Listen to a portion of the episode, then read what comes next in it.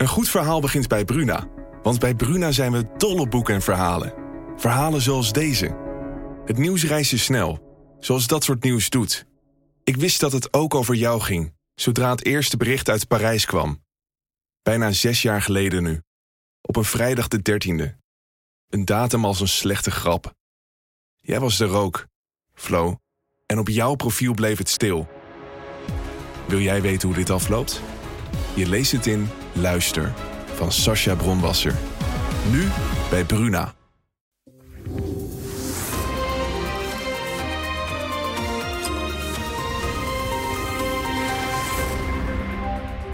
Welkom bij het gesprek met Paul Jansen, de hoofdredacteur van de Telegraaf, waarmee we wekelijks doornemen wat hem bezighoudt in het nieuws. Paul, Ja, The Last Dance goed. werd net al gezegd op de redactie. Jij gaat ons, eh, zoals eh, heel veel mensen in Nederland inmiddels weten, ons verlaten. Ja, Jij gaat als hoofdredacteur. Als hoofdredacteur. Ja. Jij wordt eh, onze correspondent in eh, Amerika, waarin eh, ja, een aantal dingen gaan anders worden. Ehm, een wekelijks gesprek met een hoofdredacteur. Ik ga eventjes op mijn eigen schouders slaan. Is een format wat ik ooit bedacht heb Ja, omdat ik het hoofdredac- hoofdredactioneel commentaar ook in een andere dimensie wilde geven. En volgens mij is het ook redelijk uniek gebleven, want ik, heb, ik ken weinig hoofdredacteuren die dit op, dit manier, op deze manier wekelijks doen. klopt. Eh, hoe, hoe vond je dat om elke keer jouw visie te geven op, op, Nou ja. op, op wat het nieuws is, wat de maatschappij is? Als het jouw idee was, eh, dan ga ik natuurlijk niet zeggen dat het niet zo'n goed idee was. Nee, ik vond het een eh, heel origineel format. Het is inmiddels ook een podcast Ja, geworden wat wij samen op eh, beeld bespreken. En ik denk dat het heel goed is om, om die actualiteit te duiden. En dan ook vanuit het, beetje het, het, het oogpunt van de krant. ja. Eh, en we hebben hele eh, verschillende settings gehad. We, sta- we staan nu hier ja. in de studio we, zijn, we zijn het hele pand door We geweest. zijn het hele pand door geweest. We hebben hele, hele verschillende onderwerpen eh, benaderd. Maar ja, ik, ik, aan, aan de cijfers, die we natuurlijk tegenwoordig goed kunnen meten, zowel van de podcast aan- aan- als aan de video, konden we toch wel zien dat daar, dat daar toch wel belangstelling voor was, Ja, laat ik ja. het dan maar zo zeggen. En eh, ja, het, het oordeel is natuurlijk uiteindelijk aan de, aan de kijker en Ja. of, de- of de luisteraar. Maar ik vond het heel leuk om te doen. Het is Maar- altijd- de- altijd een beetje met de benen op tafel, een beetje het nieuws doornemen. Want eh, de buitenwereld dicht de hoofdredacteur van de Telegraaf al heel veel macht toe. Ja, dat is, dat is helemaal terecht. Ja? nee, maar Nou, Want ik, ik kan me voorstellen dat op het moment dat wij dit opnemen, of je schrijft een hoofdredactioneel commentaar, dat er toch even gekeken wordt in Den Haag van eh, wat, wat vindt de hoofdredacteur van de Telegraaf ergens van. En eh, je hebt ook nog een hele staat van dienst natuurlijk in Den Haag. Ja, kijk, je, eh, wij journalisten hebben zeker in Den Haag geen macht, maar wel invloed. Ja. En daar moet je je bewust van zijn. Hè. Het, verschil is natuurlijk, als je macht hebt, draai je aan de knoppen. Als je invloed hebt, dan zeg je tegen iemand die aan de knoppen draait, ik zou die of die kant op gaan. Ja, Dat, is, dat is natuurlijk wel een, wel, wel een verschil. Maar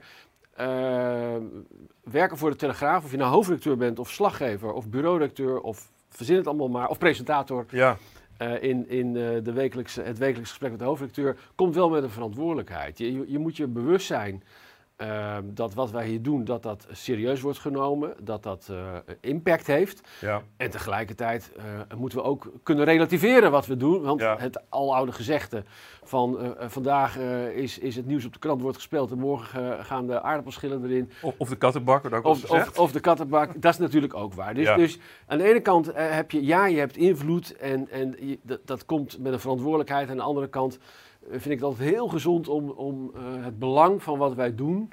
eh, en ik neem dat natuurlijk wel heel serieus om dat ook een beetje te relativeren. Ja, jij, bent al, eh, jij loopt al heel lang rond bij de krant. Ehm, jaren negentig bijna richting het miljoen abonnees. Ja. Ehm, Nee, dat nou ja, oplagen. 800.000. Nee, nee, nee, dat is, dat is oplagen. Dat is oplagen. De- de- op het toppunt hadden wij ongeveer 640, 650.000 eh, abonnees. Ja, abonnees. En dan ha- had je met bereik, had je bereikt die ongeveer, geloof ik, met een Nou, het, miljoen het, het, mensen. het, het kon in het weekend, omdat het toen, eh, eh, dat was nog zelfs voor de tijd van de gratis kranten, nog voor de tijd van de digitalisering. Dus eh, de vrije, de losse verkoop, zoals dat dan was, op de stations bijvoorbeeld, was dagelijks enorm. ja, Heel veel mensen gingen al met een krant de Ja. trein in. En, en nu, ga maar eens kijken, waar je ook bent, iedereen zit op zijn mobiele telefoon. ja, Eh, en dat heeft natuurlijk wel eh, het, het, eh, ons werk ook heel erg veranderd. En de publicatiestrategie van, het, van, van de krant, hoe bereiken wij onze mensen? En je- je ziet zeker, zeker ook sinds, sinds mijn aantreden, acht jaar geleden, dat, dat heel erg verlegd is van print naar digitaal. Dat was Ja. voor die tijd ook al gaande hoor. Ja, want de Telegraaf is- was er qua website eigenlijk heel vroeg bij, hè? Absoluut, Ja. absoluut. Maar we hebben wel eh, in de afgelopen acht jaar hebben wij bewust ook de focus verlegd. Ik vind de krant nog steeds ontzettend belangrijk. Ja. En die oplage is niet meer wat het 20 jaar geleden was, uiteraard. Maar de impact van wat wij op de voorpagina zetten Ja. Is nog steeds groot. Nog steeds het gesprek van de dag. Ja. Dat is, dat is heel mooi om te zien. Tegelijkertijd zijn wij in, in, in, ehm, in onze publicatiestrategie. Dus hoe bereiken wij onze mensen en hoe vertellen we ons, ons verhaal, ons nieuwsverhaal? Is, dat, is die focus wel echt verlegd naar online? Hè, waar je vroeger, dat heb ik ook nog meegemaakt. eh, eh, bijvoorbeeld in Den Haag, dat je de hele dag eh, was je aan het eh, rondlopen, met mensen aan het praten. En eind van de middag ging je naar de redactie en dan maakte je stuk. Ja. Dat gaat niet meer. Nee. Het is nu meteen, als er iets aan de hand is, alles opnemen, in je opnemen bedoel ik dan, een verhaal schrijven en meteen publiceren. Wat is het grootste gevolg geweest van die snelheid? Nou is dat, dat ehm, eh, eh, een paar dingen. Ik denk allereerst is dat het nieuws vluchtiger is geworden. Dat zie je heel, heel, heel duidelijk. Waar vroeger een, eh, een scoop Ja. twee of drie dagen het nieuws kon domineren, zie je nu dat als wij 's ochtends iets brengen, dan is het echt binnen no time wordt het door alle websites wordt het overgenomen en smiddags is het alweer weg. Ja. Eh, dat kan natuurlijk veranderen als je echt unieke informatie hebt waar, die niemand heeft. En dan moeten ze je naar je blijven verwijzen. Vinden andere media heel vervelend. Ja. En dan ben je, domineer je het nieuws iets langer. Maar het is veel vluchtiger gewo- geworden. Dat komt ook omdat eh, de hoeveelheid informatie die mensen elke dag op zich krijgen Ja. afgevuurd gigantisch is, is geëxplodeerd. Eh, en dat is niet alleen via de reguliere nieuwskanalen, maar ook door alle sociale media. Alles is sneller, vluchtiger Ja. geworden. En die veelheid van informatie die mensen tot zich krijgen, ehm, is, is, is, ja, het, is, het, is, het is bijna cliché, maar het is wel eens natuurlijk een bedreiging voor de krant. Want je kan van, ja, waarom heb ik eigenlijk de Telegraaf nog nodig? Ja. voor informatie, want ik kan alles van het internet halen. Tegelijkertijd is het ook een kans, want wat wij heel duidelijk zien is dat mensen eh, graag willen dat wij in dat nieuws voor hun een selectie maken. eh, en tegelijkertijd eh, aandacht besteden aan duiding. Van wat, ja, er, er gebeurt zoveel.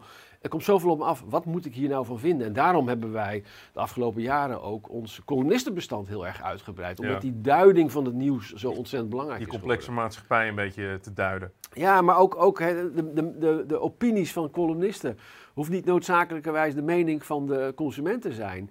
Maar het helpt mensen toch, dat heb ik ook uit, uit eh, onderzoeken die we hebben gedaan, wa- waar we bij abonnees thuis zijn geweest, heb ik dat ook heel duidelijk als boodschap meegekregen. Van, ik hoef het niet met die columnist eens te zijn, Nee. maar het helpt mij toch, als ik een opinie van iemand lees, om daar mijn eigen mening eh, daardoor te vormen. En, en dat is iets wat wij natuurlijk... eh, met, eh, met, met- onze columnisten heel erg hebben, hebben vergroot. Ja. Omdat dat heel belangrijk is. Ehm, waar je vroeger het nieuws van de dag kon dicteren, is nu Ja. social media. Hè, is, is, is, is, is nou misschien wel voorbij.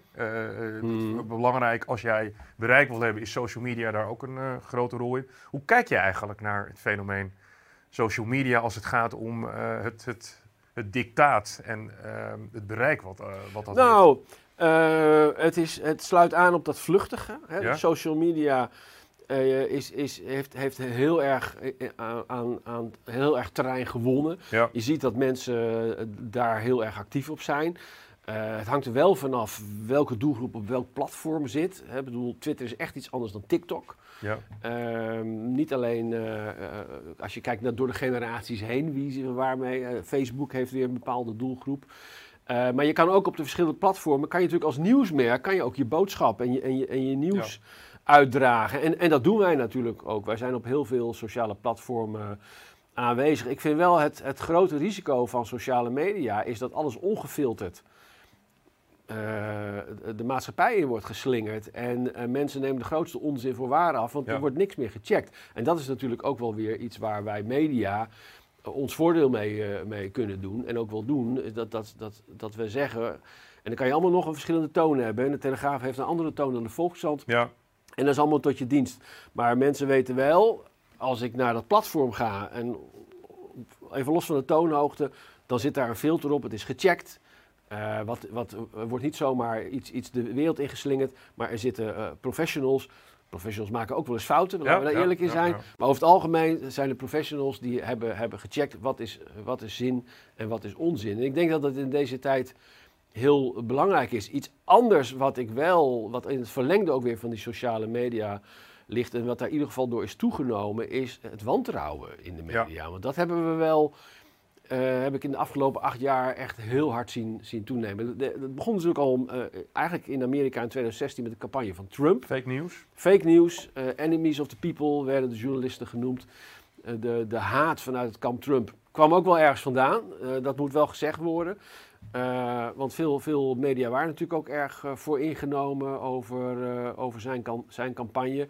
Maar we hebben, we hebben gezien dat dat in Europa een poging is geweest om dat te kopiëren. Dat is niet echt geland. Wat hier het grote, grote verschil heeft gemaakt is corona. Ik, ik zie echt dat sinds de coronapandemie Een soort filter geweest. is, is er echt een, een deel van de samenleving afgehaakt. En waar journalisten graag eh, zeggen dat zij eh, controleurs zijn van de macht, hè, wij, wij controleren de gevestigde orde, is ons eigenlijk een spiegel voorgehouden door mensen die zeggen: nee, jullie zijn geen controleurs van de, van de gevestigde orde, jullie zijn de gevestigde orde.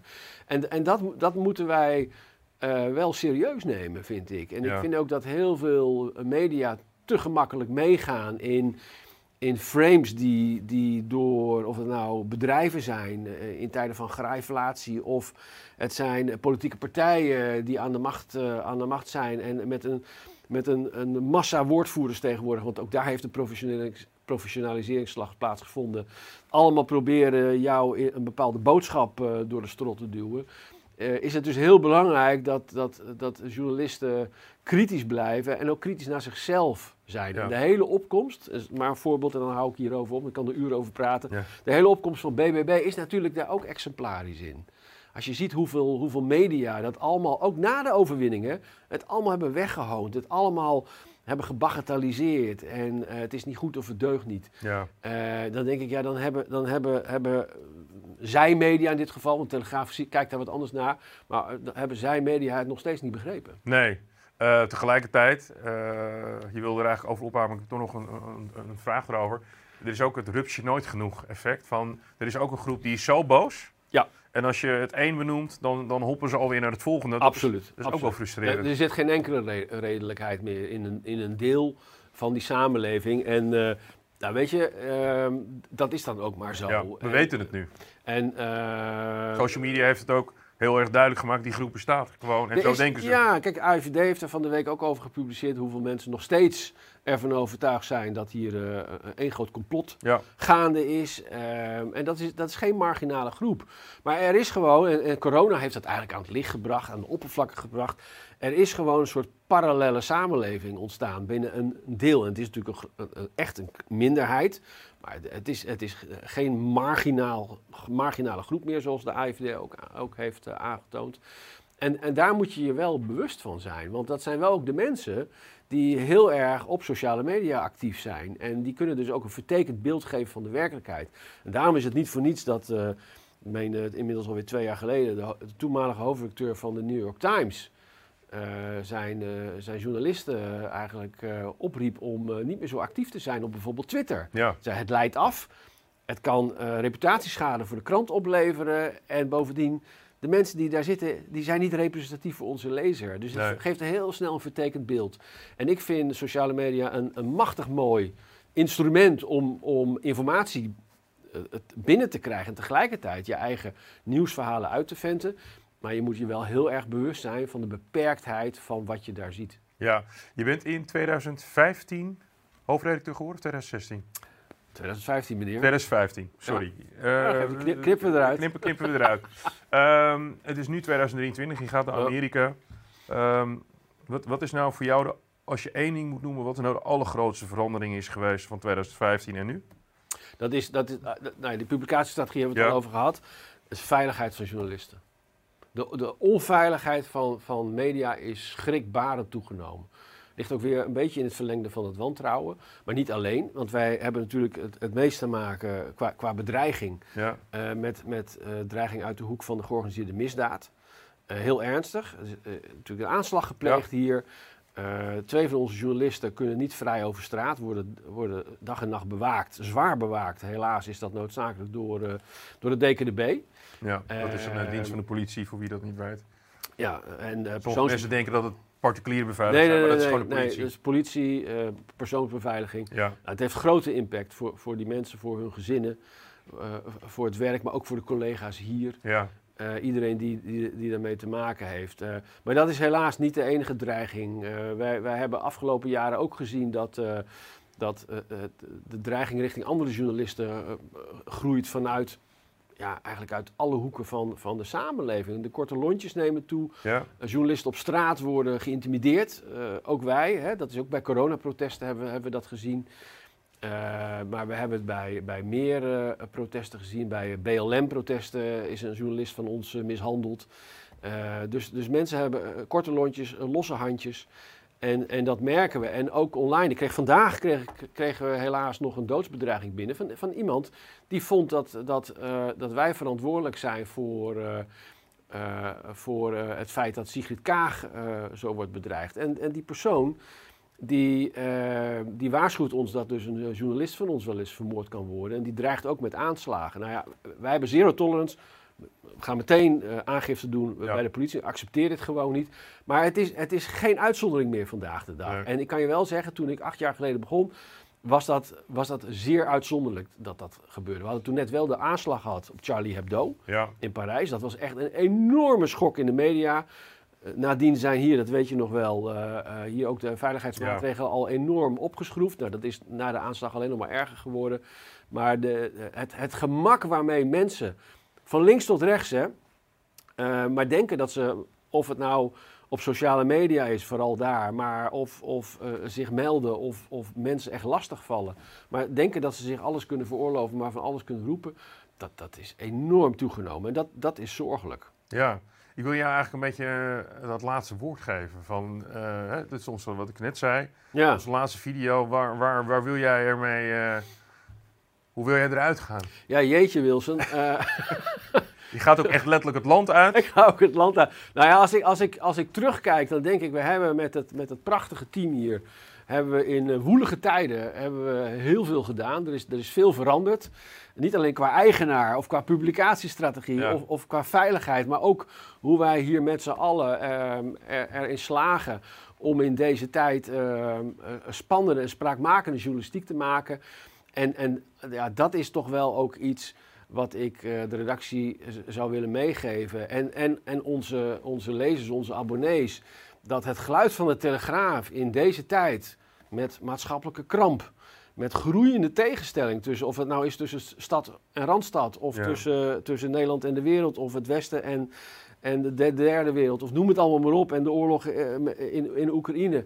Maar in, in, deze, in deze tijd van groeiende spanningen, groeiende kramp, eh, waar het op een gegeven moment alleen nog maar over woke en klimaat eh, lijkt te gaan, Ja. eh, denk ik dat het geluid van de Telegraaf echt cruciaal is. En ehm, ik denk dat het heel belangrijk is dat wij ook naar de toekomst toe, als redactie, dat geluid blijven laten horen en blijven vertolken. Want ik merk wel dat binnen de Nederlandse media, laat ik me daar dan toe maar beperken, dit geluid ehm, ja, niet eh, breed eh, uit, uitgedragen wordt. Maar dat maakt ons uniek.